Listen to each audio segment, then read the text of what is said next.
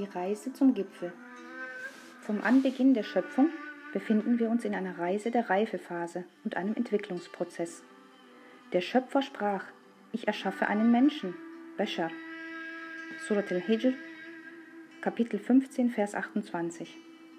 Daraufhin folgten bestimmte Zeitabstände des Wartens, bis wir die Konsistenz des Menschseins erreichten und den Hauch der Seele empfingen. In jeder Phase stehen wir vor verschiedenen Prüfungen. Das heißt, in jeder Situation stehen Wege und auch Hindernisse vor uns. Jeder, der sich auf den Weg macht, hat ein Ziel, welches er erreichen möchte. Wenn wir beim Festlegen der Ziele ein System befolgen müssen, wie und wo sollen wir anfangen? Der Mensch sollte erst entscheiden, was er nicht werden möchte, wer er nicht werden möchte.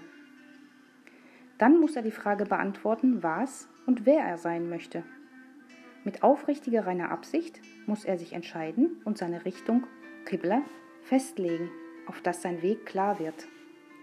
Er muss mit reiner Absicht und einer Sicherheit im Herzen glauben, der Möglichkeiten und Gnaden bewusst einen Weg und Weggefährten aneignen, der einem die Last erleichtert, sich die Rechtleitung finden, die einem den richtigen Weg führt. Er muss wirken, reifen und mit dem erworbenen Wissen ein Bewusstsein schaffen. Auf dem Weg zum Sein muss er beten für seine Entscheidungen, im Einklang sein zwischen seiner Absicht und der vollendeten Tat, Ikhlas und Amal. Er muss sich zur Rechenschaft ziehen, auf dem Weg seine Entscheidungen justieren, manchmal einen Schritt zurückgehen und manchmal nach vorne gehen, anpassungsfähig und entschieden sein. Er muss in den Genuss kommen zu verspüren, Zuflucht zu suchen, vor allem was er weiß und nicht weiß, vor Erwartetem und Unerwartetem. Beim Besitzer von Macht und Barmherzigkeit zu suchen, der aus allem Schlechten und Guten vollendet, der erzieht, läutert und lehrt, mir den Weg zeigt, der selbst die kleinste Mühe wertschätzt und nicht verschwendet. Bei demjenigen, der sein Rufen erhört und antwortet, wenn er ihn ruft. Wenn du dich dem Ziel näherst, entledige dich deiner weltlichen Erschwernisse und Bürden, damit deine Kraft dir ausreicht.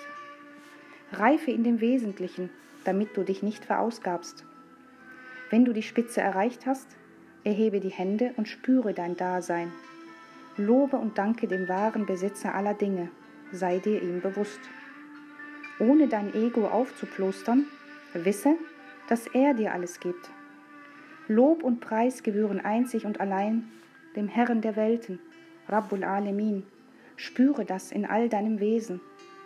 Bete für Besseres und bereite dich auf eine weitere Reise, auf Erfahrungen und Werte.